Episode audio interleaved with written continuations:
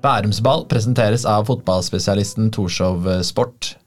Mye kule butikker på Sandvika Storsenter, men vår eh, soleklare favoritt det er Torshov Sport. Den finnes også på Torshov i Oslo.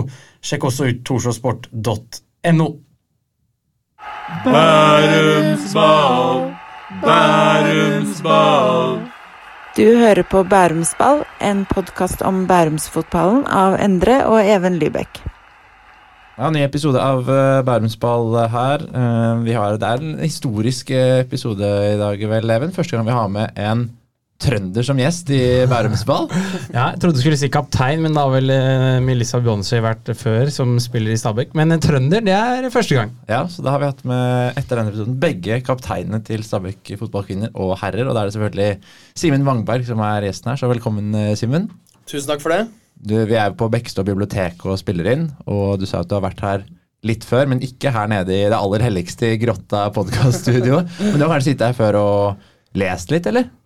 Litt lesing, ja. Absolutt. Vi er jo, eh, det har jo blitt sånn i toppfotballen at uh, spillere ofte tar utdanning på sida. Så um, Sturla Ottesen og Pignatell og undertegnede har, uh, har sittet her noen timer og lest, så det det er hyggelig på biblioteket her. Hva er det du har lest til, da?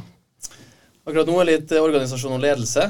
Uh, så det um, Ja, det er et årsstudium, så det, man blir nå verken uh, utlært eller skulle skulle si at det er noe greit faglig påfyll uten at det er noe voldsomme greier, for å si det sånn. Men da hadde du For vi har jo prøvd å få til denne episoden en stund, og så har du hatt litt eksamen nå inn mot sommeren. Hvordan har det vært? Det har vært ganske greit. Eh, når man sliter litt med skader og litt småplager, sånn, så er det veldig greit å ha noe, noe annet å, fylle dagene med også. Det, men eh, det, gikk fint på eksamen, og så er det deilig nå å ta sommerferie med en sånn uh, god følelse. Litt sånn som man hadde på barneskolen. Ja. Så det er en veldig god følelse. Har det vært puggeeksamen eller hjemme? Hvordan funker det? Nei, det, det her er et nett studie, så da er det jo hjemmeeksamen. Og det, det, er jo en form som, eh, eksamensform som eh, passer meg godt, ja. Eh, vil jeg si, og sikkert andre også. Det, også oss to, ja. ja. Puggeeksamen er det verste, verste som fins. Ja. Hjemmeeksamen hyller vi. Ja. For hjemmeeksamen setter jo litt mer krav til at ja, da har du alle hjelpemidler tilgjengelig, så da blir det på en måte høylista legges høyere, men da slipper du å ja, pugge, som er dritkjedelig. Ja, Ja, um, men ja, hvor, hvor, er det du tar det studiet da, sa du? Det er faktisk på Universitetet i Tromsø. Så ja. um, jeg har tatt en bachelorgrad i pedagogikk der, og så fyller jeg på litt med litt sånn uh, organisasjonspsykologi og litt ledelsesfag da i tillegg. Mm. Det ble ikke noe fadderuke i fjor? Nei, det er vel, Jeg tror jeg starta på min eh, bachelorgrad for ti år siden. Så eh, det er noen år siden jeg har vært på, på fadderopplegg, for å si det sånn. Kan ikke komme i august på treninger, for jeg er, er i Tromsø på er fadder, faddersjef. hvordan, er, hvordan er det i Stabæk? Hvor mange er det som det, Nå har dere mange unge spillere i troppen som som går på ja, videregående og nesten ungdomsskolen. Men ja, hvordan, er det, hvordan er det blant dere som er eh, over videregående alder? Hvor mange er det som driver med ting siden av? Nei, det er vel en, er en god del. Eh, men det er som du sier, de fleste går jo på ungdomsskolen og, og videregående. Så det, det, er klart at uh, spennet i, i, kanskje refleksjonsnivå og diskusjonsnivå er jo, jo bredt, da. Men uh, det er nok en økende tendens at flere toppspillere tar utdanning på sida. Det, det er jeg ganske sikker på. Hva tenker du selv? For det er jo ofte sånn ja, nå er du født i 91, eh, og ja, du er litt eldre enn mange av de gutta på laget. Så er det mange som er sånn Ja, hvor lenge skal du holde på sånn? Men det må jo være Jeg kan se for meg og Man vil jo sikkert bare spille så lenge som mulig, så lenge kroppen holder. Det er jo den dritfette jobben med å være fotballspiller, selv om du holder på med ting siden av litt nå og sånn på snei. Men hva tenker du på en måte om din egen fremtid etter hvert, både med fotball og jobb og studier og sånn? Eh, nei, jeg har jo egentlig aldri vært så motivert som jeg, som jeg har vært nå. Eh, jeg syns det er veldig gøy å holde på, og det er veldig gøy å være en del av et prosjekt som, eh, der du føler utvikling. Da. Og jeg syns jo det som har kanskje ja, eh, vært mest framgang i Stabæk, er jo, den, det er jo den kulturen vi har prøvd å bygge der. Det er jo det å ha fått inn rette folk, som en Krokstad, fått inn Nico Næss som er standardsettere på hver sin måte i treningsarbeidet og, og ellers òg. Så det, det, er jo det som på en måte Det, det å spille fotball i seg sjøl er jo artig, det òg, men det er jo det å være en del av en, ei gruppe og, og, og utvikle seg i takt og i lag med den gruppa der, det er jo det som er for meg i hvert fall eh, meningsfylt. da, Og det ønsker jeg å gjøre så lenge så lenge jeg føler at jeg har noe å bidra med. Og så får, får heller dem som etter hvert, hvis de ser at her er det begynner å bli tynt, så får de komme og prikke meg på skuldra og si at nå må du kanskje gjøre, finne på noe annet. Så, men det er interessant, og så tror jeg også det er veldig mye um, man kan ta med seg videre i arbeidslivet òg. Uh, det som har med ledelse og det som har med å prøve å bygge en organisasjon hvor man får det beste ut av hver enkelt. Og ja, uh, det syns jeg er veldig spennende. Så det um, jeg føler jo at jeg er i en sånn fase der jeg prøver å trekke ut en del læring i, de situasjonene man er i nå, som man får bruk for siden. og det det er nyttig. Så nei, vi får se hva fremtiden bringer. Men når du sier altså, at eh, du, du, spiller så lenge du holder nivået, er det, er det eliteserienivå, eller kan man liksom Hvordan ser du på den biten her? Altså, jeg skjønner at uh, hvis du ikke er noe annet enn en tredjespiller, så må du finne på noe annet ved siden, men, uh, men hvor legger man liksom lista for din del, tror du? Eh, nei, jeg, jeg, har egentlig aldri hatt sånn voldsom sånn kjærlighet for fotballspillet i seg sjøl, så jeg tror du skal slippe å se meg nede i femtedivisjon eh, når jeg er 40, eh, fordi at jeg er så glad i å spille fotball. Eh, så jeg tror nok det, det, uten at man har tenkt så mye over eh, når man skal gi seg og på hvilke tidspunkt osv., så, videre, så tror jeg det kanskje forhåpentligvis kommer litt naturlig. da, At man eh, føler at man kan gi seg på, på, på topp. Og håper at det er mange år til enda. Ja, Du er jo i Stabæk nå, selvfølgelig, men du har ikke vært i Stabæk hele livet. Hvis jeg går litt tilbake i tid, så er du jo trønder. Begynte ikke i Rosenborg, var en litt mindre klubb eh, for det. Hvordan var, på en måte starten av eh, fotballivet ditt? Egentlig så starta den med at det var håndballspiller jeg skulle bli. Eh, vi hadde en veldig bra årgang i Nidelv i, håndball. Spilte mot Haslum blant og en del lag på Østlandet her. og Det var håndballspill jeg skulle bli. Men så, i Trondheim så var det vanskelig på den tida der å satse. Du måtte som regel reise sørover.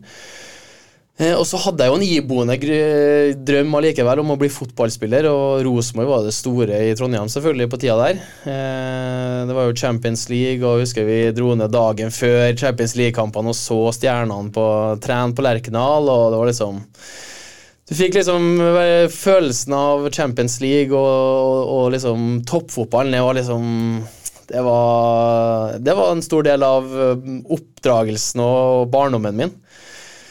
Så var jeg så heldig å få komme til juniorlaget da i, til Rosenborg i 2007, hvis jeg ikke husker feil. Ehm, og da fikk jeg med lovnad om å kombinere med å spille håndball. Mm. Så det var liksom dealen, da. Og etter ei uke da, så i Rosenborg så kom Trond Nordstein, da, han som var ansvarlig, da. og Nei, det var bare å glemme håndball. håndball er hands? håndball er hands, ja. Så da ble det jo på en måte Da ble det jo fotball for alle penger. Og um, da gikk det egentlig bare litt sånn i slag i slag. Og uh, var aldri den beste, men jeg hadde kanskje den evnen til at jeg tok nivået hele tida. Om det var juniorlag, eller om det var andredivisjon senior, eller om det var um, etter hvert var Eliteserien, så var, var, det evnen til at man uh, tok nivå. Og det um, tror jeg nok kanskje det som tok meg inn i fotballen, da, i toppfotballen. At, uh, at man hadde den evnen der. Og her har man jo vært da i 15 år, eller hva det nå er. Så det har jo på en måte vært hele, hele ungdomstida mi og, og, ja, en stor del av livet mitt, da. Det må jeg jo si.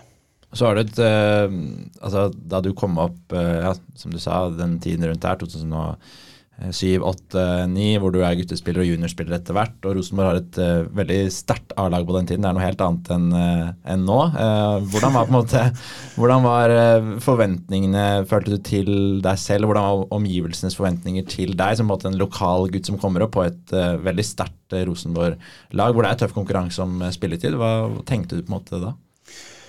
Eh, nei, for det var, var et veldig sterkt eh, A-lag, som du sier. Eh, men samtidig så eh, traff jo den årgangen min ganske sånn eh, bra med tanke på at året etterpå og et par år etterpå så ble det et gap der. Mot at eh, der vi tidligere bare fikk noen minutter på, på slutten av kampene, så var faktisk stallen Det var ganske nedgangstider i Rosenborg òg. Nå snakker jeg om 2011-2012, hvor, hvor det var økonomiske problemer og hvor man måtte satse lokalt. da. Så vi var ganske sånn, Selv om det var et eh, bra lag når vi kom opp, så var vi ganske heldige med timinga når vi, når vi fikk, eh, etter hvert fikk lov å, å spille. da. Så, så det var jo Det er jo litt tilfeldigheter når, man, når man kommer opp som, som ung lokal spiller. Og for min del så må jeg være ærlig på at jeg følte egentlig aldri at jeg var god nok for Rosenborg sitt A-lag. Eh, jeg kunne være det i perioder, i enkeltkamper. Eh, men over tid så følte jeg at jeg, jeg hadde ikke på en måte det toppnivået, den jevnheten på den tida der som skulle, som skulle tilsi at man var god nok for Rosenborg. Eh, Så der sleit jeg med å egentlig knekke en kode og etablere meg. Eh, Og det var egentlig derfor, etter noen år, at jeg fant ut at nå må jeg kanskje ut og, og hente noen andre impulser for å ta nye steg, og etablere meg kanskje på et litt, litt lavere nivå, før at man eh, kan på en måte få tatt ut potensialet sitt som spiller. Da. Så um, da valgte jeg jo etter hvert å gå til, til Brann. som 20-åring, og angrer vel kanskje litt på det den dag i dag, at man ikke var mer tålmodig med tanke på at man hadde en veldig god treningshverdag i Rosenborg og hadde mulighet til å gå på et lån til eh, Strømsgodset, Ronny Deila som var trener da. Så at man eh, ikke hadde folk rundt seg som kanskje var litt mer sånn tålmodig, det angrer jeg nok kanskje litt på den dag i dag, hvis jeg skal ha gjort noe annerledes. Vi må jo bare kjapt, fordi norske Wikipedia-siden din er jo rimelig solid. da. Eh, Du kan stoppe meg hvis noe ikke stemmer. Ja. Men eh, debut mot eh, Gjøvik-Lyn i cupen i 2009 For, Husker for? Rosenborg, altså. Ja, for Rosenborg, før vi går litt videre. da. Med Markus Henriksen og Pål André Helland, stemmer det? Det stemmer. Og så fikk du jo debuten din i Tippeligaen som da het. Husker du eh, den? Eh, ja, fra start, tenker du på? Eh, Ja, eller i hvert fall første kampen din. Ja, det var på Stabæk. Ja, det var på Nadderud, det er riktig. Nei, det var i Telenor Arena. Nei, Telenor, selvfølgelig. Telenor i 2009. Mm. Um, erstatta, husker du? Nei. Ja, Zappara. Zappara. Det var det faktisk. Marek Zappara, fantastisk spiller. Ja. ja. Uh, Vangberg fikk nok et kort innhopp i bortekampen mot etter Stabæk. Og det husker jeg faktisk ikke. De er blå og har hatt Ole Gunnar Solskjær som trener. Det er Molde. Før han fikk starte sin første kamp i Tippeligaen, da Rosenborg spilte 0-0 borte mot Viking. Det stemmer. Da fikk du jo nok kamper til å vinne serien i 2009 og 2010. Ja. Um, spørsmålet mitt nå er jo ikke at det, de her to gullene er um, heldige, fordi du har jo tross alt uh, over 30 kamper for Rosenborg, men uh, kjente du liksom på at du akkurat fikk nok kamper? Det var vel både 0-9 og var vel ikke så mange Ja, i 2010 spilte du også tre kamper fra start som holdt til gull. Mm. Det er vel ikke så mange som har en så sterk statistikk? Nei, hva mener du? Altså seks kamper, to gull? Nei, Det er og akkurat det du trenger på. Ja. Ja, det, det er jo sånn der og da så føles det veldig viktig, da. Ja. Men uh, i ettertid så uh, Jeg kaller ikke meg seriemester, det, det gjør ikke jeg. Uh, men vi var jo flere unggutter på, den- på den tida der. Mors, Bakenga og Henriksen og Mikael Karlsen og Pål Helland som, som var litt sånn samme, samme båt der, da. Så vi, vi er vel alle seriemester, men eh, ja, nå har jo noen, noen av dem i ettertid jo tatt, eh, vært veldig delaktige i, i seriegullene, men eh, det som sier, jeg, jeg, jeg går ikke og, og sier at jeg, Det står ikke 'seriemester' på dørklokka mi, for å si det sånn. Det, det gjør det ikke. Ja, hvordan var kampen mot FCK borte? Er det noe du husker? Var, Ja, det, det er nok en kamp jeg aldri kommer til å glemme. Eh, og litt eh, så Når jeg tenker tilbake på det, så tenkte jeg veldig lite over eh, alvoret der og da. For det var klart, det var jo siste kampen i playoffen til Champions League. Eh, hadde vi vunnet den her, så hadde vi gått inn i gruppespill i Champions League. Eh, og for klubben sin del og for våre, våre spillere sin del så kunne det ha gjort masse, egentlig. Og endra en del av, kanskje. Eh, og det var jo et sjokk. Jeg husker jo jeg kom på eh, treninga i parken dagen før kampen. Og eh, jeg visste ingenting, og ingen visste noe. Men Nils Arne, i kjent Nils Arne-ånd, hadde, jo- hadde jo da gitt laget til media eh, før den treninga. Og eh, nei, Simen, han skal spille. Så når, når jeg ble, eh, skulle komme inn i mix-on og, og, og snakke med media etter treninga, så sier de ja, gratulerer med laguttaket. Og jeg visste ingenting. så det var et lite sjokk der og da, men eh, det var en fantastisk opplevelse å få spille en så avgjørende kamp. eh, Vel å merke bare første gangen. Eh, Men veldig synd at vi, vi ikke klarte å ta oss videre til det gruppespillet. da. Jeg bruker jo å si at um, Bakenga skylder jo klubben, altså Rosenborg, 100 mill. For han hadde jo en uh, involvering i den første oppgjøret på Lerkendal, da, der han kunne ha gitt 3-1, da, og da hadde vi jo gått videre. Så um, nå fikk han jo, ble vel solgt for 30 til Brugge, da, så han har vel eh, bare 70 igjen av den. eh, Det er noen som skiller, skiller, har Freddy Dos Santos skylder Vålerenga et Champions League-gruppespill, og det er noen som har noen eh, gruppespill på samvittigheten. Hvordan var det å ha Nils Arne Eggen som uh, trener, da?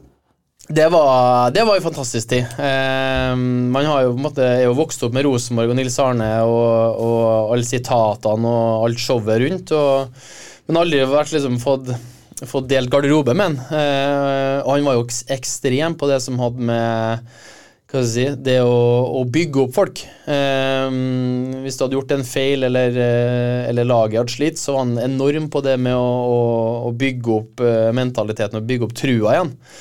Eh, og så hadde du kanskje en del sånn eh, rent sånn treningsmetodiske prinsipp som kanskje hadde utvikla seg litt på de årene siden han var i manesjen sist. Så det var nok et sjokk for mange spillere å, å, å, å plutselig skulle trene på en helt annen måte enn det vi hadde gjort. Så Hvordan da? Nei, vi hadde jo hva var det vi hadde? Vi hadde tre mot tre på 16-16, altså mellom 16-meterne.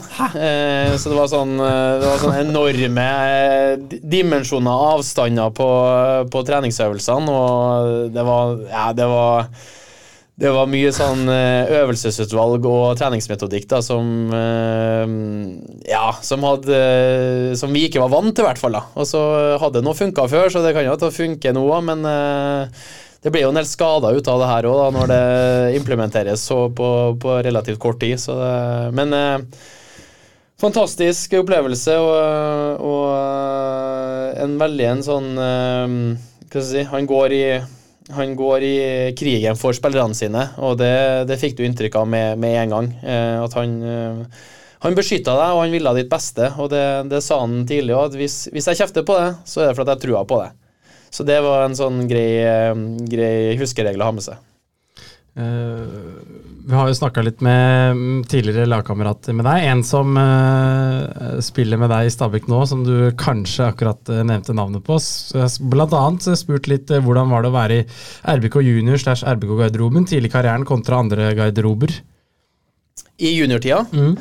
ja, det, var en, det var en brutal velkomst. Og nå smiler Simen bredt her, bare fordi sånn. Ja. Nei, altså, jeg vil si at man har jo vært en del av en del garderober opp igjennom, men eh, det å gå fra Nidelv, en breddeklubb, til juniorlaget til Rosenborg, det var en kjempeovergang. Og eh, det var et eh, veldig sterkt hierarki og veldig, veldig sterke personligheter. Du hadde Pål Helland, du hadde en Mikael Karlsen, Ulrik Balstad, Erik Tønne. Altså det, var, det var stjernene i Trondheim by på den tida der. Og og eh, du blir tatt på alt. Altså, Sa du noe feil, gjorde du noe feil, så blir du, du blir bare Sagd, liksom? sagd og høgd ned. Så du, det utvikla seg til å bli en veldig sånn tøff, tøff gruppe. Eh, og eh, jeg tror jo det var noe av det som har gjort at relativt mange av dem har hatt en toppkarriere etterpå. Eh, men det var brutalt, det, det må jeg si. Og, og eh, jeg tror ikke jeg har vært borti en så tøff garderobe i, i ettertid, faktisk, så det sier jo litt. Si, vi har jo uh, meldt litt eh, på Twitter da episoden med Erik Benjaminsen kom ut. Så var du med i kommentarfeltet der og svarte litt, eh, for han spilte jo en NM-finale i Telenor Arena, der du også spilte, Ja. på dette sterke Rosenborg-laget. Eh, som du sa, det var jo da eh, Even Barli, Kristoffer Aasbakk, Bakenga, eh, Ulrik Balstad, Markus Henriksen, Mikael Karlsen, Fredrik Midtsjø, Osel Ovlasu, Jonas Svensson og deg. Det er jo det må jo være et av de sterkeste juniorlagene nesten noensinne. Så mange som har fått så bra karrierer. Ja, det, det er jo bare kjedelig at dem du nevner der, da, de fleste har jo hatt topp internasjonale karrierer med landslagsspill og, og diverse, mens eh, jeg og pluss en del andre har stort sett bare vært i Norge. Men eh, bortsett fra det, så er det jo et veldig sterkt kull, og, og eh, det er nok litt Litt tilfeldigheter, men også litt jeg var inne på tidligere, at vi, vi fikk muligheten på A-laget ganske sånn uh, lettere enn uh, kanskje an, tidligere og senere årganger i Rosenborg. Så det er litt tilfeldig, men også en bra, ei bra gruppe. Du kommer til Rosenborg, eller før vi eh, går litt videre, men når du kommer til Rosenborg som unggutt der, og du sa jo at du kanskje ikke liksom har elsket fotball, men du fulgte sikkert med på Rosenborg i de åra da du var yngre. Hvordan var det å komme inn i denne garderoben som 17-18-19-åring og se litt sånn spillere man kanskje har sett opp til tidligere som er litt helter? da? Nei, det var, det var, faktisk utrolig stort. og, og sånn som Du hadde jo fortsatt i Rosenborg. Roar Strand, Steffen Iversen, Erik Hoftun var faktisk, selv om han har blitt stor sportssjef Det var jo folk du hadde på veggen som liten. Og det, det, tror jeg jo kanskje er en sånn greie som kanskje dagens spillere ikke får oppleve på samme måte. Eh, uten at jeg vet det, men jeg bare føler at kanskje dem som spilte på byens store lag eh, på den tida her, de var heltene. Mens nå er det på en måte eh, Haaland, Messi det blir liksom på en helt annen, en helt annen nivå. Da. Så du, du, du, opplever ikke å komme inn i en A-garderobe i dag som, som kanskje er like stort da, som vi gjorde, da, og med, med, den respekten og alt det medfører. Så Det kan jo for så vidt være både plusser og minuser rundt det, da, men uh, jeg tror det er en annen, annen greie i dag, i hvert fall.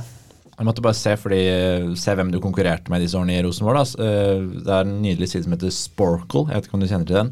Nei. Det er en veldig bra sånn fotball-nerde-quiz-side. hvor det okay. er, eh, Den het faktisk Rosenborg 2010 til 2022, og da er det sånn at de regner ut de, eller har funnet ut de elleve som spilte mest hvert år. Så hvis du fyller inn eh, Daniel Ørlund, så får du fire poeng fordi han var fast fire sesonger. liksom. Okay. Så måtte jeg bare se hvem som var midtstoppere eh, de sesongene. Og det var jo da, altså de årene du, du var der, Demidov selvfølgelig. Kan jeg tippe? Ja. Chris Statsgaard tipper ja. jeg spilte en del. Tore Ginussen. Ja. Det er noen jokere her som jeg ikke kom på, hvor jeg måtte trykke på 'give up', og så kommer det opp. Ah, ja, okay. Da gir jeg opp. Alejandro Lago. Ja, eh, ikke sant? Bra spiller. Strandberg, Jim Larsen. Så det var jo veldig tøff konkurranse, da. Ja. Um, også, men jeg syns det var interessant det du sa i stad med at du ikke følte at du var god nok. Mm. Uh, jeg føler det er, Nesten alle fotballspillere er jo sånn Nei, jeg skal spille fordi jeg er god nok, og trener er en dust når jeg ikke får spille. Mm. Men uh, hvordan var på en måte det mindsettet ditt, og hvordan påvirket det deg i hverdagen når du var i et sånt konkurransemiljø? Nei, jeg, På en måte så, så stolte jeg på ferdighetene mine når jeg var på banen der og da, og på, i treningshverdagen. Men jeg tror jeg hadde en eh, Og det husker jeg Mikke Dorsin sa altså, Vi vet at du er en fin fyr, du trenger ikke å være så ydmyk. Og den ydmykheten den tror jeg kanskje tok vel overhånd en, en, en del ganger.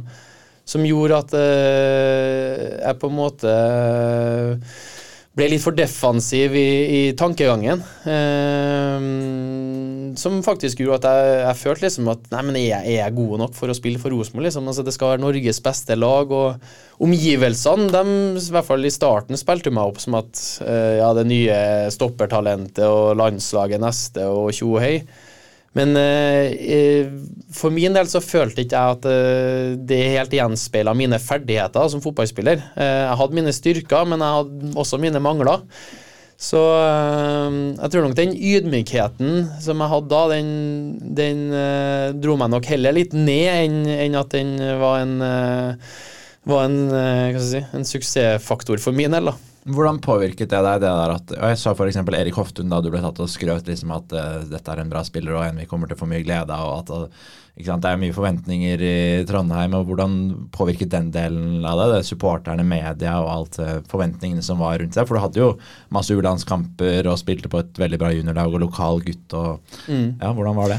Nei, Jeg følte jo at omgivelsene ønska at jeg skulle lykkes. Eh, og det betydde en del for meg. Eh, jeg har nok alltid vært en person som bryr meg mye om hva folk mener. Eh, og det tror jeg er på godt og vondt, da. Men så jeg følte at jeg liksom hadde en sånn Ja, vi ønsker trønderne at, trøndere skal spille, og, og unge lokale bør, bør, få muligheten til å vise seg fram. men så er det noe med at det, ja Eh, jeg skulle kanskje ønske at jeg hadde kanskje folk rundt meg som kunne liksom fått fram en mer sånn råskap om at jeg, jeg skal faen meg vise at jeg er god nok for å spille her, eh, og ikke bare liksom velge litt sånn enkle utveier. Eh, ref eh, når jeg får tilbud fra Brann der jeg velger å takke ja til det, i stedet for å bli her og kjempe om den plassen. For det, det var jo mulig, og, og jeg hadde jo ferdigheter til det, men eh, det satt rett og slett i hodet. og og da tenkte man at nei, men det er så mye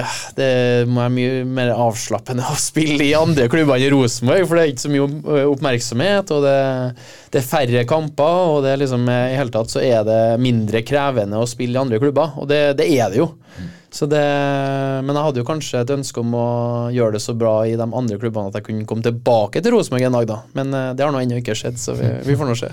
Så si også, altså, Du har jo spilt, ja, som jeg sier, blitt seriemester, og selv om på en måte var uh, ja, veldig tøff konkurranse og ikke så mye spiltid som kanskje skulle ønske å tro, så har du på en måte hatt masse A-kamper i Rosenborg, spilt Eliteserien i mange år. Litt sånn som en Michael Stilson eh, Jeg husker jeg snakket med han om det, jeg ble litt kjent med han på en måte. Så er det liksom, altså, Du har jo spilt masse eliteserier, og du har jo fått til ting veldig mange bare drømmer om, men han var sånn Ja, men jeg har ikke kommet opp der jeg vil. Så ja, men du har jo levd av fotballen, liksom. Men det var sånn, ja, men Og så sammenligne seg litt med andre, og så begynner den biten der. Ja. Er det sånn, klarer du, Ser du på det som Ok, du lever jo av fotballen nå, er jo mm. proff eliteseriespiller. Er det på en måte at fordi de standardene i Rosenborg er så høye, at du ser hvor høyt det toppnivået er, at det blir sånn ah, Ja, og så tror jeg jo at du Du reflekterer ikke på den måten du gjør nå.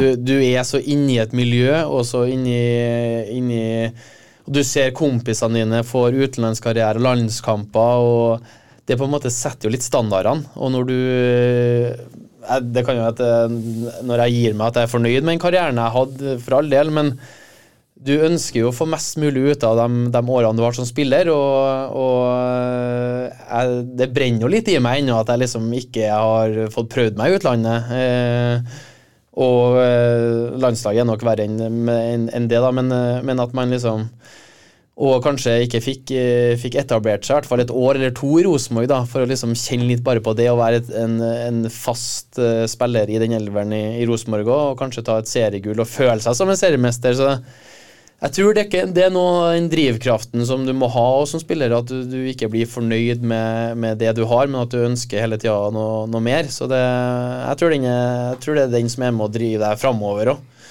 Så hvis du ikke har den, så tror jeg fort du kan bli komfortabel med å, å være på det stadiet, på det stedet man er. Før vi hopper videre til, eh, til eh, snart quiz og litt eh, Tromsø og Stabæk, så har jeg også fått et innspill her. eh, Kan du fortelle om det er en bursdagsfeiring av en kompis i Trondheim der han ville rive skiten? I hermetegn. Hvem er det som har sendt inn det? Det, det, det får vi ta på bakrommet. Det er Kan ha vært en eh, tidligere Rosenborg junior-lagkamerat som vi har snakka om her, ja. Nei, men det, det, vi har snakka om det før, og liksom som eh, når man var 20, 18, 19, 20, opp til 25, så hver landslagspause, det var, det var full pinne på byen. På fredag og lørdag.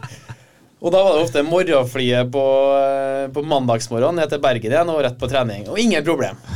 Men nå så er man jo faen meg hvis man, Vi hadde jo noen opprykksfester i høst, og jeg var jo dårlig ei uke etterpå. Så det her er jo, på, det her er jo fra den tida, da, bare for å øh, dra inn den igjen. Og vi, hadde, vi har jo hatt en del sånn øh, fotballfester. Og vi er jo en bra gjeng fra Trondheim som liker å, å møtes når vi, spesielt i jula og, og, og så videre. Så ja, kort fortalt så var det nå bare en eh, Vi var på fest til en en felles bekjent av oss, og skikkelig god kok. Og Pål Helland hadde med seg heimbrent fra fra eh, Kyrksæterøra, og det, det ble en svart. Og da var det ei taklampe som hang i det huset, og da fant jeg ut når det liksom Det var klimaks i kvelden her, og da var det bare å rive skiten og rive ned lampa, og så var det rett på byen, og så ja, var nå det liksom den storyen der. Altså. Det var sikkert artigere å være der enn å få det gjenfortalt, men eh, ja. Jeg så det for meg nå. Jeg skulle gjerne vært der og så dra liksom på byen. Litt sånn, ja, nå har vi revet Ja, nå drar vi på byen. Det blir nedtur å dra på byen etter å ha opplevd sånn legendarisk vors eh, også. da. Ja, Med mindre man drar på Demint. Er det ikke der det skjer i Nei, nei. Det er det ikke. Nei, det- Eller Samf. Eller skjedde, skjedde på Samf, der det gjør det for alle vi Nei, vi var på Vi hadde jo um, Den eh, gjengen der hadde jo sånn fast plass på eh, Crash, heter det. Ok. Så da var det øverst innerst på Crash. Det var standardplass.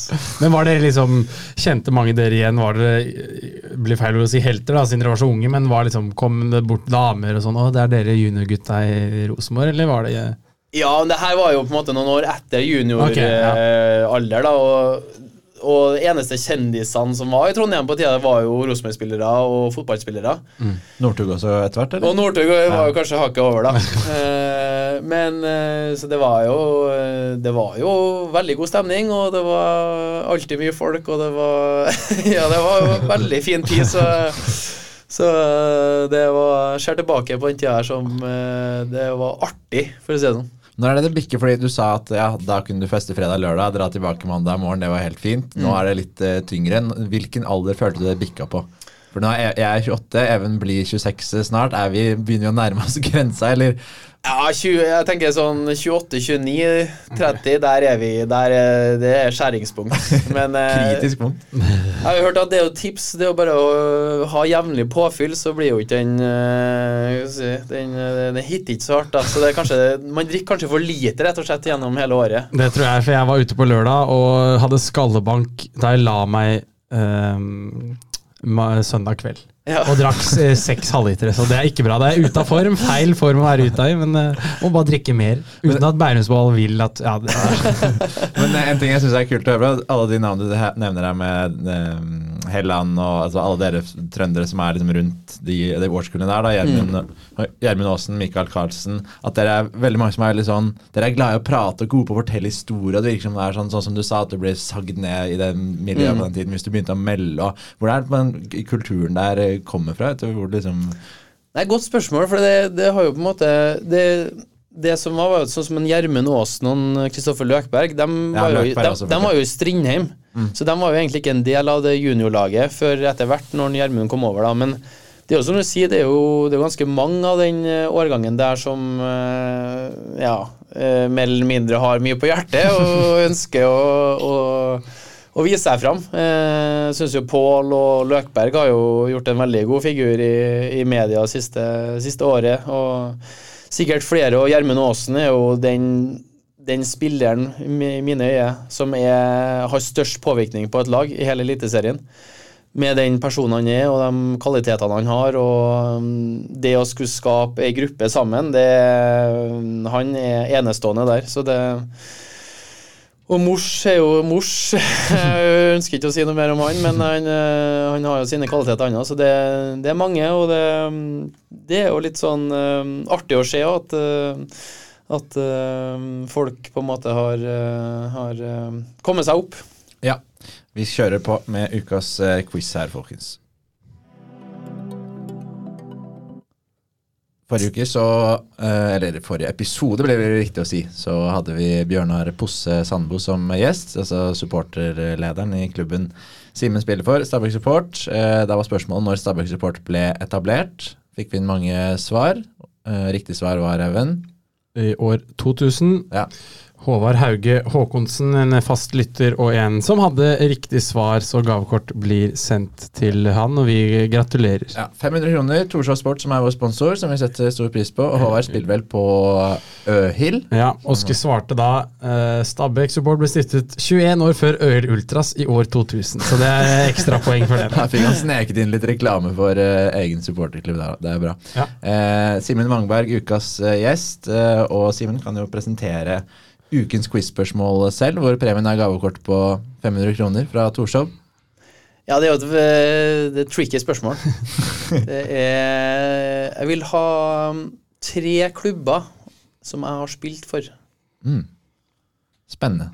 Ja, spennende. Veldig spennende.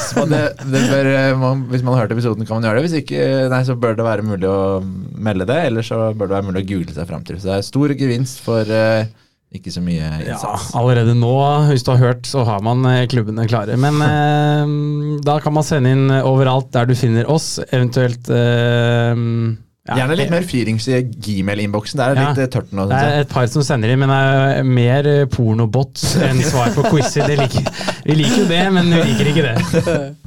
Ja, men bra. Lykke til.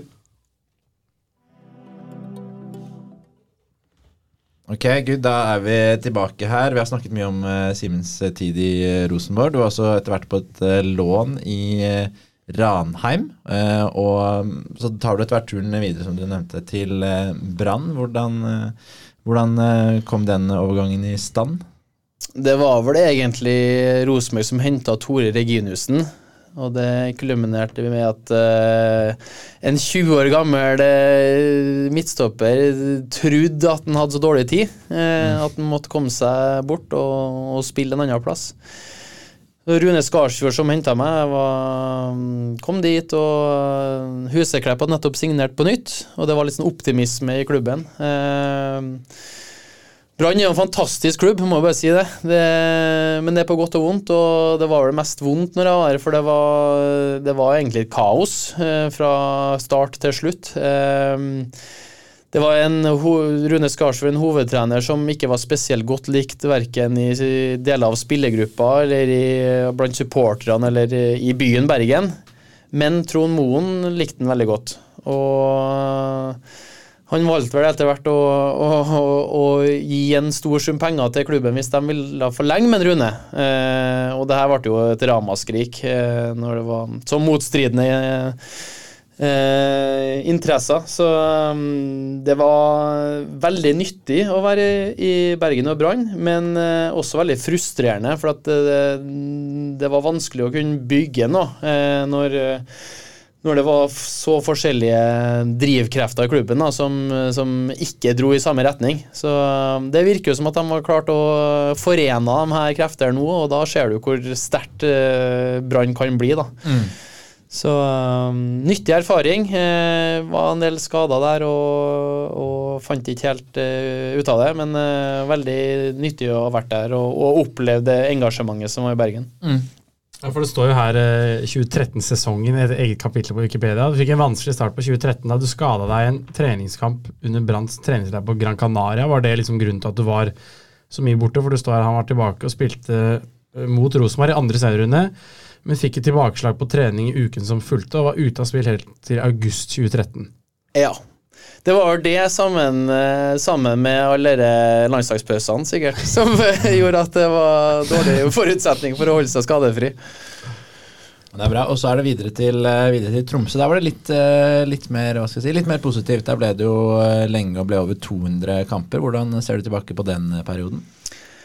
Tromsø-tida har jo på en måte Hva skal jeg si Det Jeg har jo vært hele mitt voksne liv i Tromsø, egentlig. Og eh, det har jo vært med å forme meg som person og, og um, fått venner for livet, fått familie oppi der. Uh, ja. Uh, trives veldig godt. Eh, Eh, klart Der òg har det vært eh, noen turbulente år, og noen år som har vært veldig givende. Eh, vil trekke fram året med Simo Vallakari som, som litt sånn eh, ut av intet, men fantastisk artig å spille under han. Eh, både med at han er den personen Han er jo rockestjerne på mange måter. Med tattiser og med klokker og diamanter i ørene og hele pakka der, men, eh, men også i måten å spille fotball på. Som var bare ikke tenk konsekvenser, slippe hem- hemningene og bare spille. Eh, og det funka veldig bra for en, en viss periode. Eh, så mm, mye av identiteten min føler jeg jo er knytta til, til TIL og til Tromsø eh, på mange måter. Så, mm, og har jo også mm, forlovede fra, fra Tromsø, så det, mm, det er vel store sannsynlighet for at vi ender i Tromsø igjen da, om noen år. Eh, så, Men Forlovede, sier du. Hvordan eh, møttes dere? Spør for en venn her. ja. Eh, vi møttes faktisk i, på Alfheim. Ja. Ja. Romsa Arena, som det heter. Ro. Romsa Arena. Ja. Meet and greet. ja, meet and greet i, i treningsrommet på, på Alfheim, Oi, faktisk. Det er et sted å møte Ja, faktisk. notert. Gymmen, vet du, det er bra. Ja. Jeg har fått et spørsmål fra en uh, Vålerenga-bekk som du har spilt både med og mot, i hvert fall mm, jo, med på landslag og mot uh, en haug ganger. Lurer på om han ønsker å bosette seg når han legger opp. Simen er en godværsgutt. Regner med at Østlandet frister mer enn dårlig vær i Trondheim, eller Men da kommer jo altså da. Tromsø opp av hatten, og det er bekrefta. Det er ikke et sted med hi- hi- Hilsen som har vært der mye i vår. Det er ikke et sted med godt vær, men når det Nei. først er fint vær, så er det jo helt nydelig. Ja, det er et godt poeng. Eh, Og den planen, da, for det var, det var høyt i stein at vi skulle tilbake når den kontrakten her eh, gått ut. Men eh, vi har nok egentlig konkludert med at vi det var, hva var det? det var 10 cm nysnø forrige uke, og her var det 20 grader og sol og litt sånn her, så vi, vi, er, vi er ikke helt eh, bestemt på at det blir retur med det første. Hvor lang er kontrakten din i Stabæk? da? Eh, Den den er ut året, så det er i likhet med 14 andre i, Ja. i troppen. Ok, men eh, Tromsø, ja. Eh, og så blir det jo en lang, eh, lang periode der. Eh, videre, videre derfra. Eh, du kommer til Stabæk i 2021. Ja, Litt innspill først. Vi, bare, bare, vi har jo fått mye, vært mye på, på melderen med tidligere Tromsø lagkamerater her. Ja. Bare sånn at ikke histo historien er helt ute av kontekst. Hvis Ja. vi tar noen minutter før Ja, bra vi valser videre til Stabæk. Men én en har skrevet uh, kort og godt uh, spør om Steinar Nilsen og Hurtigruta. Altså, det, det, det er jo fantastisk mye minner fra Tromsø, og veldig mye fine spillere og fantastiske typer, men uh, det, blir, det høres kanskje litt bedre ut på nordnorsk, men eh, det, var start borte, og vi hadde én igjen, tror jeg, så skårer de 2-1. Uh, og det er en ti minutter, og så og så Steinar Nilsen 'Simen, Simen, må opp på topp!' Og så skal vi begynne å slå lange baller, og så eh, fører det jo ingen vei, og vi taper 2-1, da. Eh, Hvorpå Steinar da på spillermøte dagen etter bare Gutta, eh, jeg tar kritikk. og setter opp Hurtigruta opp på topp siste fem minuttene, det det er siste gang vi gjør. Så da gikk det sent i, sent i vendingene, etter det jeg forsto. Men Steinar er fantastisk uh, trener og fantastisk type. og uh, det nordnorske lynnet er litt det som på en måte drar meg nordover. Det, det er så befriende og det er så imøtekommende og ja, lite innpakka. Jeg så er jeg helt enig. Ja, jeg har kommentert mye Tromsø i vår og blitt kjent med de rundt klubben der. Liksom, de er så avslappa og bare kødder liksom på en sånn rolig måte. Og nå, altså, kan, jeg har blitt kjent med de litt, og da blir det veldig sånn? De lever sitt eget liv der oppe i kulda, da. Men det er jo ja, men det er mye mer sånn eh, Ja, folk er liksom ja, morsomme og glimt i øyet og melder litt uten at det liksom er noe hardt ved det. veldig sånn eh, Mm. ja, Det er behagelige, behagelige mennesker. Så jeg støtter deg på den. Ja, så bra. Um, Simen var en kulturbærer og profesjonell i TIL. Kombinerte dette elegant med godt humør og god humor. Veldig godt likt av lagkamerater og trenerteam. Vi har i tillegg tatt mange fine pils i lag, ikke minst på botturer. Uh, Du kan jo spørre om modelldrømmen er lagt helt på hylla. Det første bildet som popper opp i hodet mitt når jeg tenker på Simen, er nemlig fra catwalken i Tromsø, der han var nysminket og med pannelugg og briller uten styrke. Ja, eh, ja hva man skal svare på det? Hva, hva var dette? Var det for Nei. Renate i Tromsø sammen med Gams Pedersen? Eller hva, Ja, det, det kunne ha vært det, men det her var faktisk uh, Vi har jo alltid vært på tilbudssida når det gjelder spesielt sånn frivillig arbeid og den biten der. Mot og Det her var Kirkens Bymisjon som hadde sånn mote, årlig moteshow. Og da var det Da stilte vi opp, og det, det var jo masse folk som var så på, det var jo sikkert et par hundre. Og vi stilte nå opp og visste ikke helt hva vi gikk til, men da var det full sminking og pannelugg. Ja. Du har jo egentlig nevnt det her, da. Og catwalk, så det, det Ja, det føyer seg vel inn i gode opplevelser. Et par uh, Tromsø-historier til. Vi, vi tåler det. Ja, ja, ja. Hvis uh, hovedpersonen selv tåler. Det er ikke noe, det er mye, mye gode ord, det skal sies. Uh, Simen er rett og slett en toppfyr på alle mulige måter. En av de bedre jeg har møtt i garderoben. er Han en leder. Han er tenksom og flink til å se og bry seg om alle rundt. En type man kan stole på. Han, han er også en av de første jeg ringer hvis jeg skal ha det skikkelig gøy på fest. Der kan fyren virkelig levere når han vil. Har en del historier, de fleste er litt på kanten. Eh, Men vi kan se om du vil ta noe. Du kan spørre han hvor fornøyd han er med diamantene. Diamantene, ja. Ja. ja. Det er jo eh, Jeg går jo årlig til tannlegen. Ja, for det er mange som har sagt at du er fornøyd med tenne, smilet og tennene dine. Ja.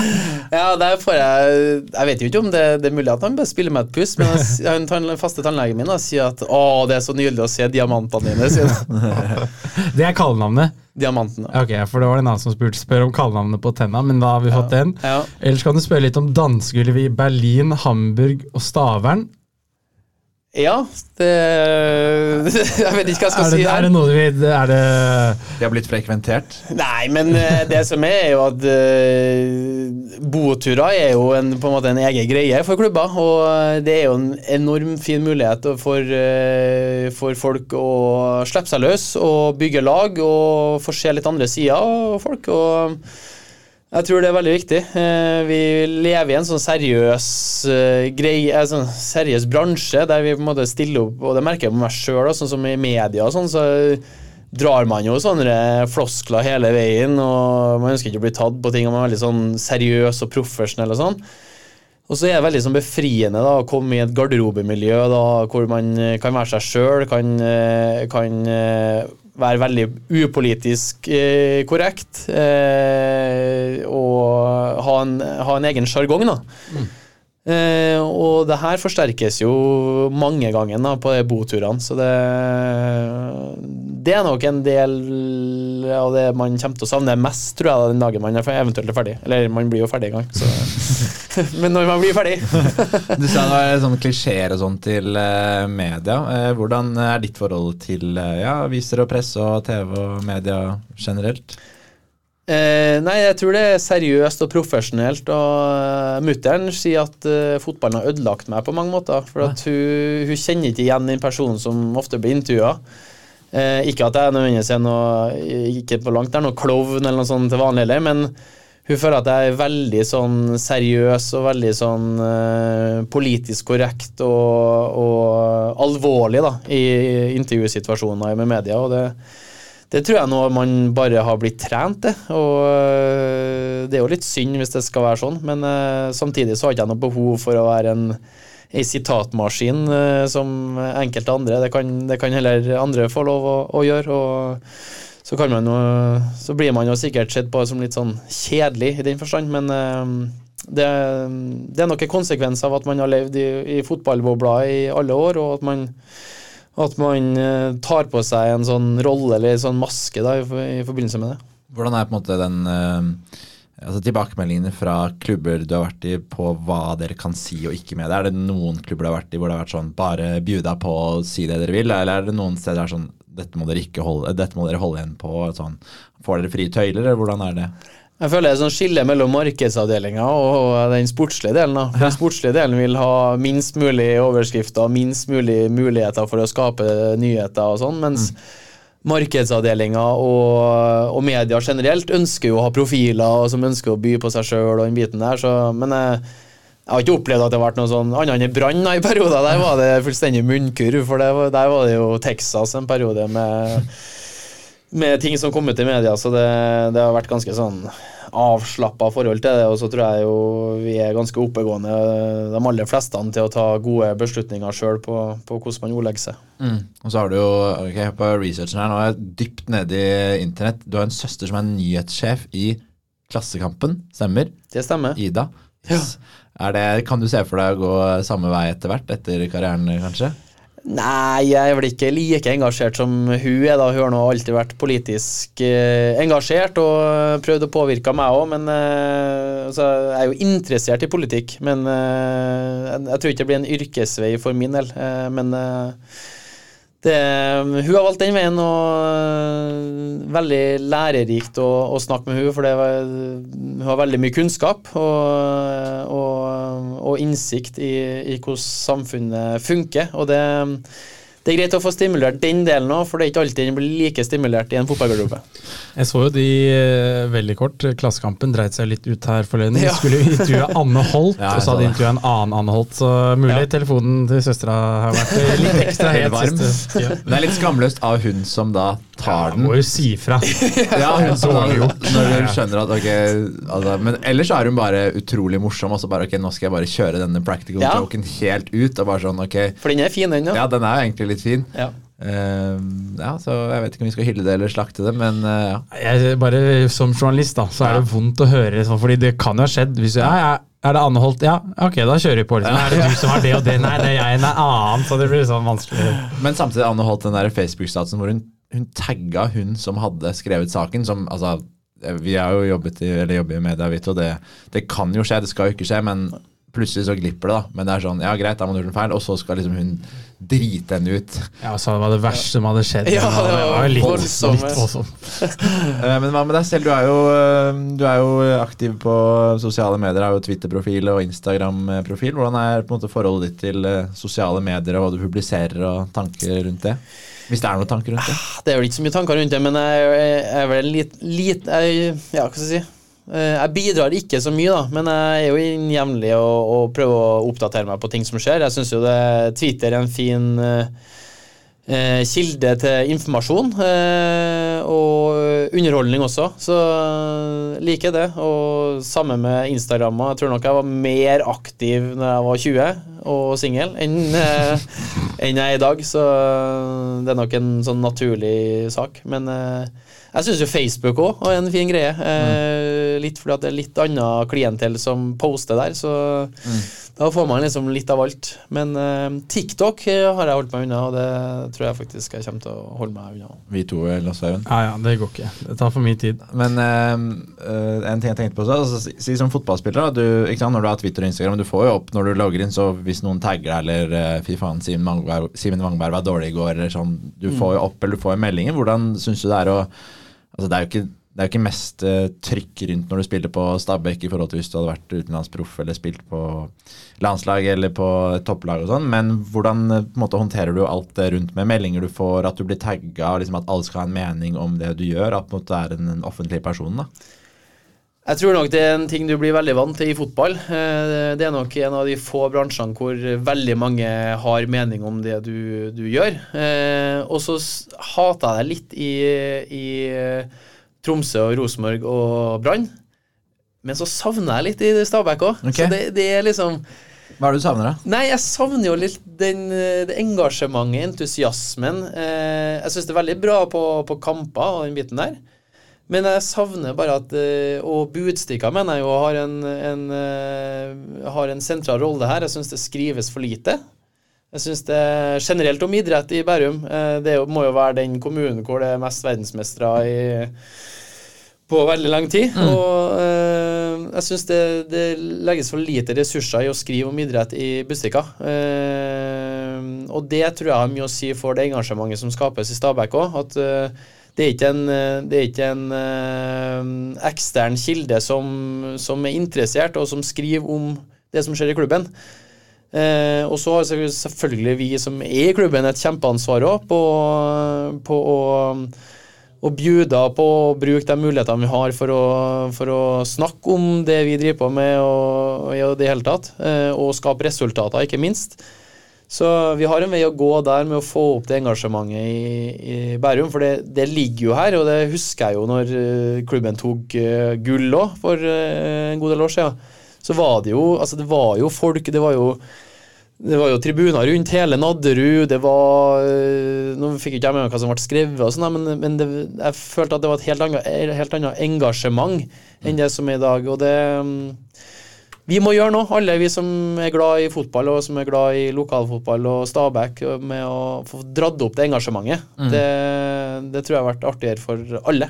Vi prøver, prøver litt her med denne Ja, det her er jo et kjempekonsept da, som, som kan være med på det, men eh, det må på en måte Det må snakkes om, og det, Ja. må, det må Ja, rett og slett. Fordi det året du da debuterte i Tippeligaens sammenhet, 2009, borte mot Stabæk i Telenor Arena, så var det jo over 9000 i snitt på Stabæk sine kamper. Ja, det er jo helt utenkelig når du ser det er knapt 3000 på Nadderud Ja. på de kampene i år, selv om dere er nyopprykka og har hatt en ganske sterk sesong til å komme rett fra, fra Obos. Um, hva tror du på en måte skal til for å skape det engasjementet igjen, og mer eh, folk på kampene, rett og slett?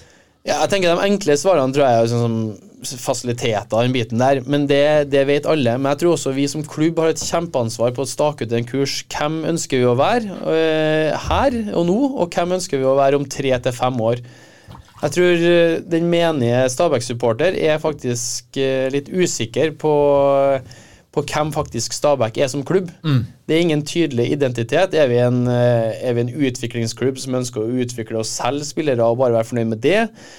Eller ønsker vi å hente etablerte spillere, og hvor vi etter hvert ønsker å, eh, å, å få sportslige resultat gjennom det? Så det er sånn jeg tror vi som klubb må bli enda tydeligere på hvem vi ønsker å være. Eh, for da at det er lettere for omgivelsene å identifisere seg med Stabæk som klubb. Så der er et kjempeansvar for oss som er en del av den klubben her og nå. Og mm, det er jo noe vi kan gjøre med. Men hvordan, ja, for, for, eh, Du har jo da vært i sant, store fotballbyer. Eh, Trondheim, Bergen.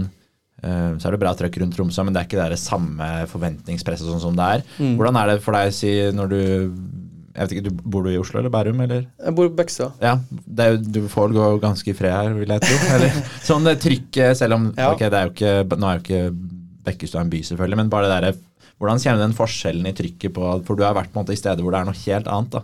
Ja, det er ganske stor forskjell. Eh, og så er det ikke nødvendigvis at eh, Altså, det er ganske Brann i Bergen og Rosenborg i Trondheim er Det er det største i Norge, mm. med, noe, med, flere. Eh, så det, det, skal litt at vi kommer opp dit, men, eh, men eh, det engasjementet, det kan vi skape eh, uansett. Og det jeg ser jo, altså, På Nadderud det er jo Hvor mange øh, unge spillere er det som er der hver dag? Altså, sånn, det er en enorm sånn øh, hva skal si, Et enormt segment for å få nye Stabæk-supportere. For å få bygge en sånn kultur om at det er kult å gå på kamp. og Kult å være Stabæk-supporter, og folk kan begynne å drømme om å komme på A-laget. Og i hvert fall ha det som et sånn mellomsteg. da så vi må på en måte Ja, vi har en jobb å gjøre der med å liksom eh, få dratt i gang det engasjementet. Mm. Og der er jo dere en bra, bra steg på veien her, da, med, med, å, med å, snakke eh, lokalfotball. Ja, takk. Det er jo det vi håper litt om. Altså, det var dritfett da vi var små og gikk Akkurat på, det si. ja, på Nadderud. Det var utrolig gøy. Det er, det er fortsatt kult å se på fotball, men det er mye kulere når det er mye folk der, og det er trøkk, og det blir en sånn snakkis. Mm. Det er jo det som er morsomt. Ja, jeg, i hvert fall for min del. Men det var litt sånn, jeg husker Puma for eksempel, hadde sånne telt utafor kampen ja, hvor det var slush. Det var jo selvfølgelig jeg elska jo. Fire beger slush før jeg kom ut. Det var søndag. Ikke lov å spise godteri på søndager. Da var det rett opp på Nadderud, drikke slush, spille Fifa. Ja. Dritkult, liksom. Sitte i sånn der sofa, hva heter sånn der puff, sånne der svære ja. kasser. ikke sant? Spille Fifa, snakke litt med venner, møte litt damer. Sånn. Det var kult. Det samla jo folk alle i min gjeng liksom syntes det var kult. Da var vi på Nadderud en time før. Ja, ja. Liksom sånne ting. Nå er jo jeg for gammel, eller jeg kunne sikkert knust noen i Fifa på en, på en eh, Adidas eller Nike-stand nå, men litt sånn ja, ting man, eh, som fikk folk på kamp som kanskje ikke hadde så lyst, tror mm. jeg har veldig mye å si. Og så tror jeg jo, Da jeg kom hit i 2021, så var det 52 spillere i treningsgruppa. Og det var nye, nye spillere på, som starta hver kamp. Og jeg tror jo når, når supporterne, eller når jeg som var utpå her, ikke visste etternavnet til han jeg spilte sammen med, hvordan skal folk kunne uh, identifisere seg med dem som, som spiller utpå her? Altså Det er viktig at vi vi har spillere som er over flere år, og lettere bygger profiler rundt det. da, Og, og skaper på en måte et sånn ja, eh, en klar identitet, da, i hvert fall på, på hvem klubben vil være, og, og hvem spillerne er. og ja, tror jeg, Der tror jeg vi har masse å gå på. Mm. Ja, kom, ja. Vi har litt, eh, litt til, da. Ja, ja. Litt spør, litt, jeg, jeg har laget en egen Simen Wangberg på landslaget-quiz som til deg. Ok. Ja, for det er mye U-landskamper. 24 U-landskamper. Vi må ta med litt, eh, en liten historie eller fra en vi har snakket om tidligere. Simen er en fantastisk type av et lag. Lagspiller, ansvarsfull, inkluderende, rett og slett hel ved. Ser alle rundt seg. Hjerte av gull og sosial perfekt kaptein. Spør han om Farris i baren. Likt å se litt på utelivet, men drakk ikke, så derfor tok han en Farris i baren. Om han byr på, så har du artige historier. Ja. Nei da, ja, det, det, var jo Han sa det jo. Vi, etter hvert så fant man ut at landslagspausene her ikke funka. Hvordan da ikke funka? Nei, altså Man kunne jo dra ut to dager og så være fotballspiller i tillegg. For man ble jo skada, eller ja. hva det var. Så da var det liksom kompromiss. Da Da var det Farris i baren. Og så har vi også Du kan gi en kjapp tommel opp eller ned her, men spør om hvordan det gikk på bursdagsfest på Risevollan i 2016. Ja, det er riv skiten og Ok, taklampa. For her er det be han, be han ta dere med fra festen startet til han kom hjem til foreldrene. og så sånn mega latter-emoji. Nei, det, det skal vi ikke. Vi har fått nok. Vi har fått to tredjedeler av historien vi har fått uh, rive ned. Vi er Ja. litt inne på utestedet, men Ja. siste etappe, den Det, eh, det, det, får bli, det får bli underetasjen på Bekkestad bibliotek. Um, nede i arkivet. Ja. Nei, men du har jo spilt mot eh, enormt mange veldig, veldig gode spillere på landslag. Um, det kan hende ikke du husker alle helt selv, men um, Man spør, er du veldig sånn, Følger du mye med på fotball og sånn at du husker alle? Og nå sitter jeg og ser på Premier League, og jeg husker jeg spilte mot han da da? Eller? Eh, nei, jeg var litt sånn, men eh, nå er jeg veldig lite. Og det litt irriterende lite, faktisk. For det er sånn, jeg har jo verken et favorittlag eller eh, følger veldig mye med. Så jeg, jeg misunner jo dem som går i Liverpool-drakt og møtes og ser kamp og sånn her. Så jeg håper jo det er en sånn ting som jeg kan få den dagen jeg er ferdig, at man uh, får litt mer sånn supporterfølelser til, til fotball.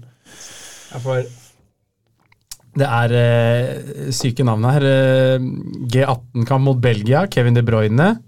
18.11.2009. Ja, det husker. Jeg husker at vi var der, men jeg husker Ja. ikke at han spilte. Så jeg kan gå kjapt gjennom. da. Eh, Yasine Brahimi, Jan Mvia mot Frankrike G19. Du har spilt mot uh, VM-gullvinner Christoffer Kramer, eh, Tyskland.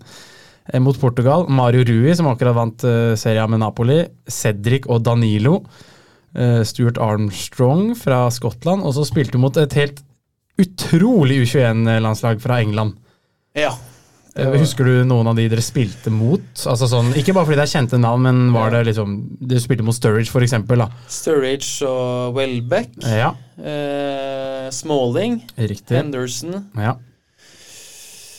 Ja, jeg kan jo ikke så mye annet navn, men eh, jeg husker jeg bytta trøye med en, men eh, faen, det var det, da. Jeg husker ikke hva den heter, vet du. Ryan Bertrand, Smalling, Phil Jones, Sturridge, Henderson, Danny Welbeck, Rose, Cleverly, Gibbs og Mark Albrighton. Ja. Altså, det er jo, Du snakka om en god er Rosenborg-juniorgang, Ja, brukbart U21-lag, det der, da. fordi jeg så jo, Du har jo spilt noen U23-kamper òg, men der var det veldig få kjente navn. Men det U21-laget her er jo, må ha vært et av tidenes beste Ja, det var vel Jeg lurer på om det var først, nei, siste kampen før noe sluttspill òg. Mm. Så det var ganske toppa på St. Mary's i Southampton. Lurer på om vi spilte uavgjort, det. Ja, jeg gjorde det. Men følte du da at du holdt nivå? Altså, Hvordan var eh, mindsetet ditt eh, da? Ja, ja, da faktisk følte jeg holdt nivået. Ja. Eh, men eh, ja. Nei, det var et eh, bra lag, det. Eh, det var, Vårt lag var kanskje ikke så bra. eller? Nei, det er imponerende sterk, sterk prestasjon. Og idet vi finner fram bare kjapt det laget, så har du et bilde på Wikipedia fra en landskamp òg.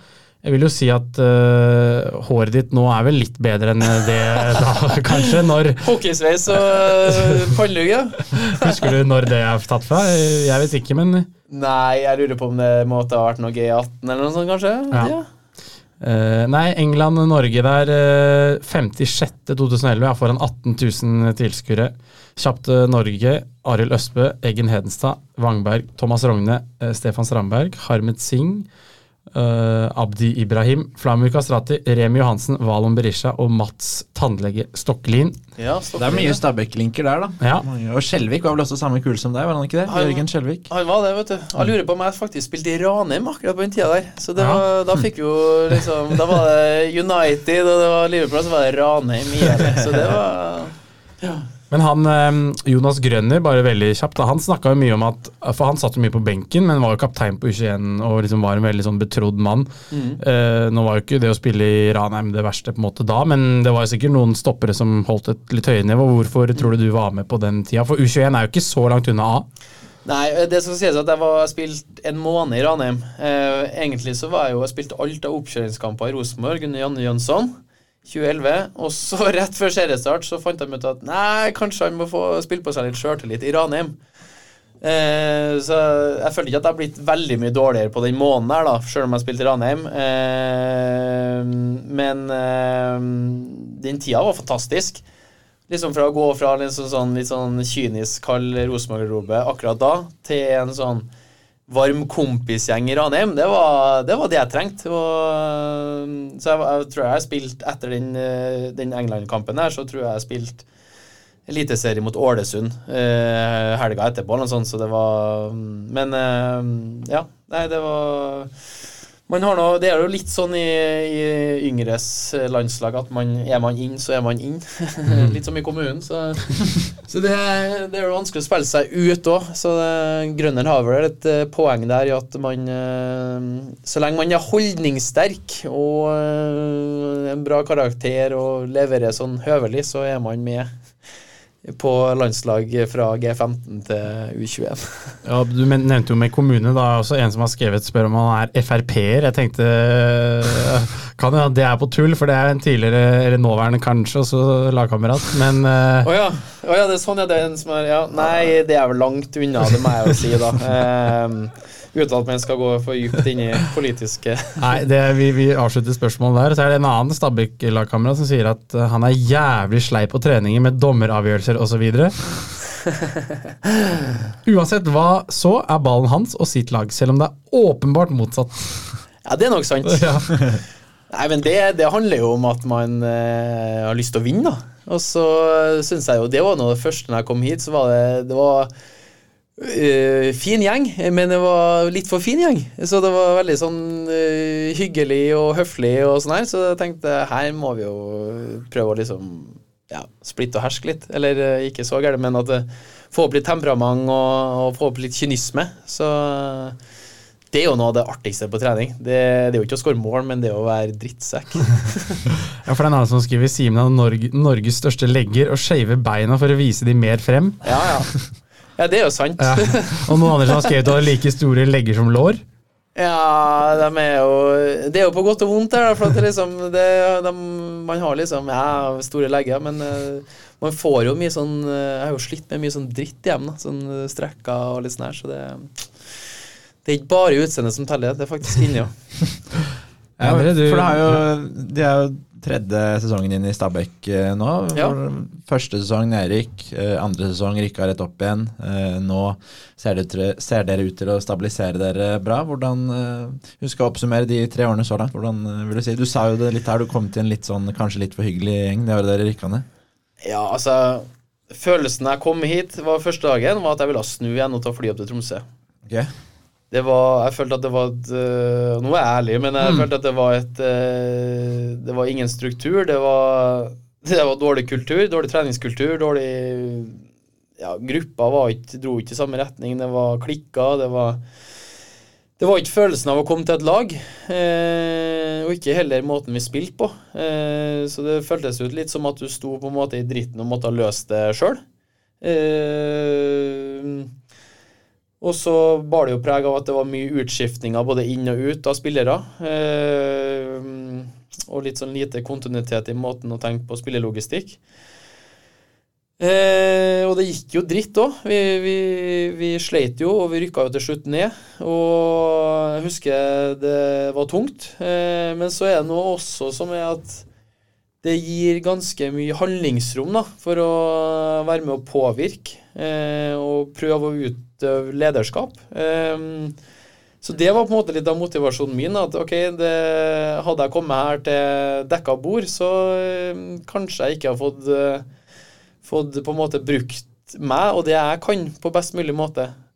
For det er kanskje når det, når det, er litt handlingsrom, at man kan være med å påvirke og kulturen og, og dem rundt seg, så så får man kanskje brukt sine spisskompetanser. Så det, det var motiverende og var veldig, veldig trua på opplegget til Kjøne i, i, i fjor. Eh, jeg syns vi trente godt. Vi hadde Eh, vi hadde framgang, eh, og så klart utover sesongen så, så sleit vi jo litt med å, å skåre mål og skape sjanser. og fotballens mekanismer er litt sånn at når de uteblir, og når, når målet er å gå opp, så, så, så skjedde endringer. Og Lars kom inn og var vel akkurat det vi trengte på en tidspunktet der. En eh, klar, tydelig leder eh, med litt karisma.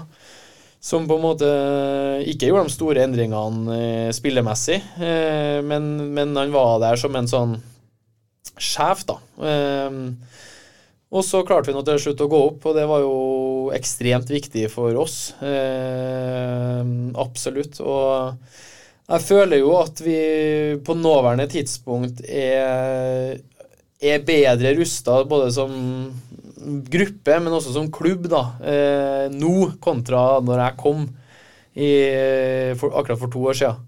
Så eh, hvis man klarer på en måte å overlevere klubben og laget i bedre forfatning enn man tok over, mm. Så har man jo kanskje vært med og påvirka på en god måte.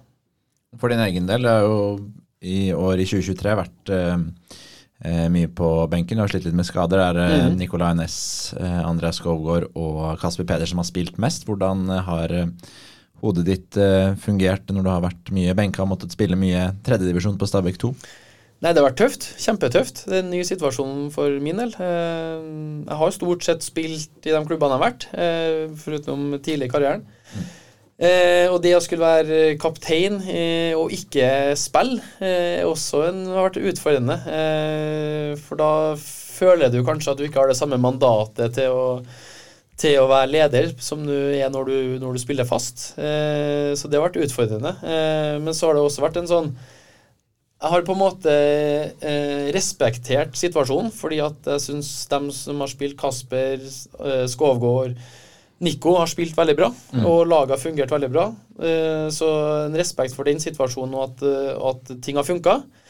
Men så har jeg aldri klart å akseptere at jeg ikke skal spille. Eh, og det tror jeg er viktig også som spiller, at du, du vil alltid tilbake. Og du vil alltid være, med, være deltakende og være en viktig brikke.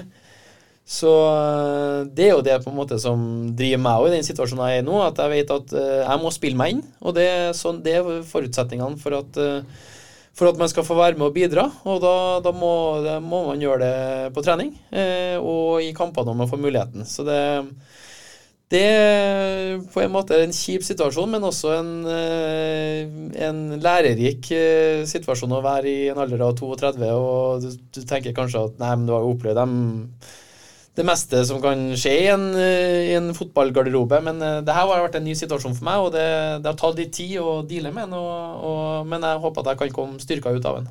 Hva ønsker du å bidra mest med når du spiller? Det er jo prat og organisere laget. Eh, styr eh, femmeren eller treeren. Helst treeren.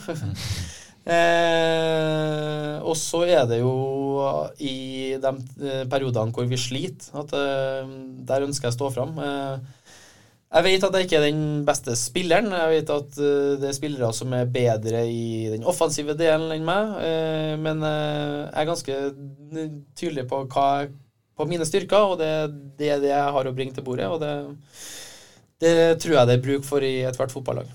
Husøy ble jo årets spiller i 2021 mm, og har en bra standing blant uh, supporterne også. Um, og så er det jo veldig mange unge spillere nå som uh, Du kunne ikke vært faren, for da hadde vært veldig ung far, men uh, det var en, mot Lillestrøm blant annet var det en snittalder på benken her på 18,1 år. Og veldig mange unge som har fått debutene nå i mai og, ja. mai og juni. Hva, hva, er det vi kan forvente av de 06-07-gutta som kommer opp og frem nå?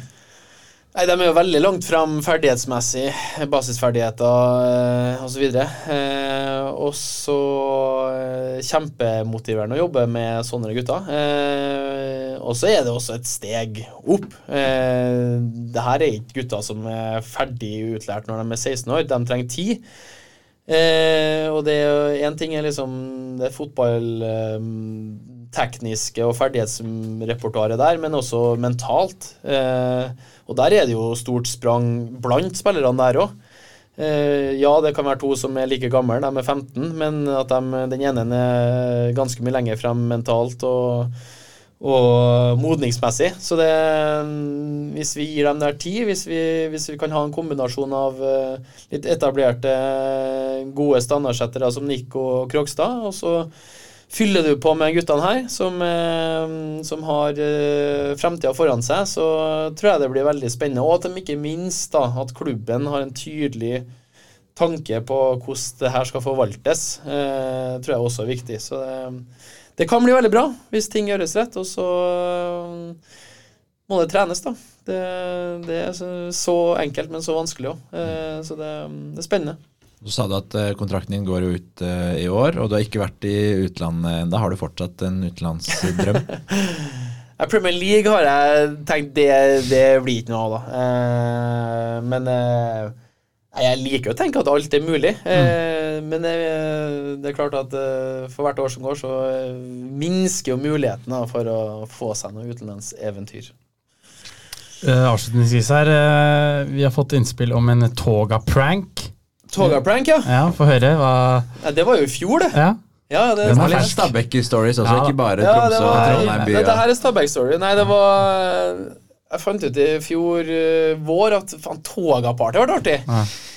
Uh, litt av faktisk Det var faktisk Vadim Demidov som, uh, som hadde en, eh, en Toga-fest når han var i Trondheim eh, for ti år siden. Så jeg liksom lanserte det for guttene. Kanskje vi skal ha en Toga-fest, da. Som en sånn lagfest. Og guttene ja, ja, kjempebra, kjempebra. kjempebra. Og, eh, så da ble det jo sendt ut ei eh, WhatsApp-gruppe med Togafest til Nico, grilling, tjohei. Kom i eh, outfit. Det beste outfiten blir premiert. Og jeg for rett opp og Jysk opp og Grini og, og handla sånn øh, laken og palmer og hele pakka. Eh, kom inn til Nico der, åpna døra og skjønte vel at her var det noe rart. For det var, det var jo ingen som hadde togoutfit, da. Det var jo kun meg, selvfølgelig. Så det var, det var kjempeartig. Men eh, jeg hadde jo selvfølgelig med meg backup, så når vi dro på byen, så kunne jeg jo skifte. For de trodde at jeg ikke hadde med meg, men så junior er jeg ikke. Nei, du har, du har vært ute før. Ja, Um, og så aller siste her. Uh, en, um, jeg har lest et brev du har fått da du, fordi du har prata høyt i telefonen. det, det er for øvrig et helt spinnvilt brev. Eh, Nå er det jo litt der som selvfølgelig ikke skal leses opp, men kan jeg lese litt fra det brevet? ja, ja, kjør på. Eller du kan jo forklare først hva som var greia, så kan jeg ta noen utdrag her. Ja, det er jo mitt første møte med Bærum, og jeg fikk jo på en måte på mange måter Ja, eh, bekrefta mange av antakelsene, men ble jo, kom jo inn i ei leilighet på Fornebu som første perioden jeg kom hit. Eh, og så gikk det jo noen uker, og jeg, jo, jeg skal være ærlig på jeg snakker høyt, og jeg snakker mye i telefon og, ja, og så videre. Og så plutselig en dag så ligger det et brev på, på døra mi eh, fra en nabo, da. Og det, du har jo brevet, så det, du kan jo du, ta noe utdrag. Jeg tillater meg å minne om at størsteparten av Norge for tiden sitter på hjemmekontor. Det betyr i praksis at leilighetene i veien nå fungerer som kontorlokaler snarere enn et hjem. Du har en tendens til å snakke svært høyt, i uthevet og kursiv, i telefon. Og du snakker mye i telefon, som regel ute på, på balkongen. Jeg antar det har sammenheng med at du er fotballspiller og vant til at det skal høres helt til andre siden av banen. I, lø- I løpet av en vanlig arbeidsdag tar jeg mellom 15 til 20 Teams-møter. Flere på andre siden av linjen har klaget over at naboen snakker så høyt at de har store problemer med å høre hva jeg forsøker å si. Dette gjelder også mine dører og vinduer når de er lukket. Ja. Ja. Um, Verdens viktigste person, da. Ja. 15-20 Teams-møter hver dag. Jeg ber deg derfor pent om å dempe deg noe og gjerne ta sam samtaler, altså i kursiv, innendørs hvis mulig. Det gjelder spesielt i arbeidstiden. Og så litt uh, andre rare greier, men uh, det virker som han hadde et lite glimt i øyet her òg, da. Med Ja, for det, det, det, det er jeg har lurt litt på, her da, om, eh, om det er bare noen som kødder med meg. Men eh, nå er det jo gått to år, da, og ingen som har kommet og krevd den her eh, Ja, for så står det liksom For øvrig minner jeg om at leieforhold med Stabæk Ja, ok, og det, det leser vi ikke opp. Og så um, Naturlig så mener la, altså, Stabæk skriver han da med Stabæk EKK. Det er jo første et red flag, som vi grov, bom. Ehm, det er derfor fint om du tar ansvar og etterlater et litt bedre bilde av laget ditt enn hva enkelte Ja, ikke sant? Og så skriver han også eh, til slutt eh, Det har bare vært litt mye styr med Stabæk nå, og vi er flere som begynner å bli eh, ganske provosert. Ja. Utrolig langt brev for Ja, ja, å bare snakke er, litt høyt i telefonen. Altså, det eh, er 15 avsnitt her. litt for god tid under korona der, eller? Det er verste lockdown, kanskje, når jeg har tid til å skrive ut så langt brev. Eller? ja. Og så står det også 'Jeg ønsker deg alt godt og håper du lykkes i fotballen'. og så ønsker din kone masse lykke til. Ja, det var mye rart der. ja, det er mye, mye rart. der. Hva tror du? Eh, du jeg, jeg klarte ikke helt å tyde det helt heller. Nei, jeg tenker jo eh, Hvis vi kan bruke det fora her nå, at det er en etterlysning Er det noen som, som har kødda med meg, så må de komme nå, liksom. For det Melder innboks. Men hvis hvis det er noen som har gjort det, så det er, hvis, hvis de har lagt et brev på døren din, det er jo også en eh, Ja, det er jo en litt gammeldags måte å kommunisere på. Så det er ikke sikkert de kommer inn i Instagram-innboksen til Bærums Ball, men Nei. eh, Nei, De har jo da skrevet brev, jobba med, uthevet og i et uh, Word-dokument. Ja. Lagra, printa ut og levert. Så det høres jo ganske seriøst ut. Men er du sånn som snakker med Altså du har på høyttaler, sånn at de naboene hører hva du hører på? Eller har du på øreklokker eller AirPods? eller? Nei, jeg skulle gjerne sagt ja, men eh, jeg snakker bare på vanlig måte. Å, ja. så det, det, det, og jeg har fått beskjed av min samboer mange mange ganger at eh, det går an å ta ned lydnivået. Så det, men foreløpig ikke fått noen klager i, her på. Bekkestua, Bare gamlinger som bor her, de hører det ikke. det Det kan være det. Det er høy snittalder, så det kan ha noe med det å gjøre. Nei da, så um, Nei, det, var, det er en artig Jeg har, jeg har lagra det brevet der, for å si det sånn. Det skal jeg ha med meg videre. Jeg må avslutte med vårt vante Ja. spørsmål. Og Simen, som er en god lytter, da vet jo sikkert hva som kommer. Han har sikkert forberedt seg også. Ja, Skal vi høre, det, da? Husker du det faste Bærumsball-spørsmålet hvis du hører episodene ut? Nei, jeg hører alle dem ut, så det er Orker ikke alle, av. Tar heller noen telefoner og Jeg tror alle har hørt en podkast fra eh, null til, eh, til slutt. Ja, Fordi du bare plutselig får noe annet? eller Nei, for jeg føler at det, det er waste of time å liksom høre eh, ytterpunktene. Ja. jo, men da, da får du høre for første gang nå, Endre. Da får Ja. du presentere. Eh, Spørsmålet vi stiller, er da eh, Hvis du hadde vært eh, Endre og Even Lubek, hva ville du spurt eh, Simen Wangberg om? Nå, altså. Etter da 79,5 minutt. Oi eh, Ja, det Hvor tror du Stabæk er om fem år? Altså i 2028, ja. Og hva sier du da? Jeg tror at hvis ting gjøres rett, så er det et topplag i norsk fotball. Mm. Du har alle forutsetninger. Du har nærhet til Oslo. Du kan tiltrekke deg spillere. Du kan etter hvert få gode fasiliteter. Hvorfor skal ikke du eh, ha muligheten til å bygge et godt fundament her? Og hvor er du om fem år? Utenlandseventyr på Island, kanskje? KR Reykjavik der? Eller Al-Shabaab i Dubai. Skvise ut litt spenn? Ja, det kan være noe Saudi, ja. Nei, jeg, jeg tror jeg, Det kan fort hende at jeg er i fotballen, men jeg, neppe som spiller. Ja. Og TV-ekspert og sånn, da? Tror du det kunne Nei, det tror jeg, jeg tror ingen som vil ha meg som TV-ekspert. Men eh, det er veldig fristende å, å kunne jobbe i en fotballklubb. Mm. Med, ikke som trener, men som en annen rolle. Ja. ja, men det er bra. Da um, takker vi for et nydelig besøk her. Veldig bra. Ja, Det er vel kort vei hjem, siden du bor på Bekkestua også. Ja, det blir en kort vei. Ja, Herlig, det. Ja, men uh, takk for uh, besøket, Simen. Det var Ja. veldig bra. Og takk til alle som kom på livepoden. Ja, det var eh, strålende. Ja, veldig bra. Ok, takk ha. Hei, hei. Hei. Hei.